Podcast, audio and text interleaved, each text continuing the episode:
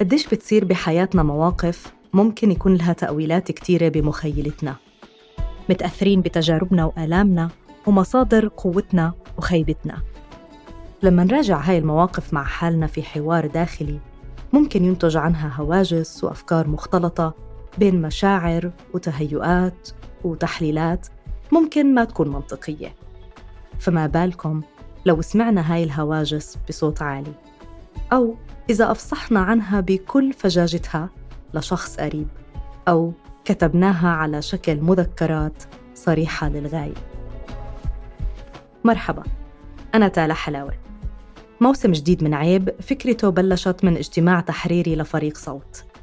خلال جلسة عصف ذهني ومن حكي لحكي وصلنا إنه زميل يفتح لنا قلبه ويحكي لنا عن علاقته المعقدة مع أحد أفراد عيلته وبعدها أكثر من حدا سأله طيب هذا الشخص ليش بتصرف هيك؟ ليش بيتصرف ليه هيك؟ بيتصرف هيك؟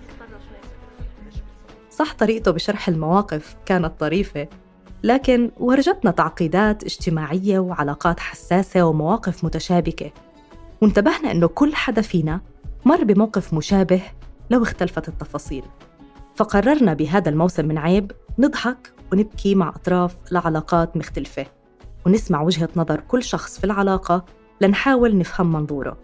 بركي تكتمل الصورة.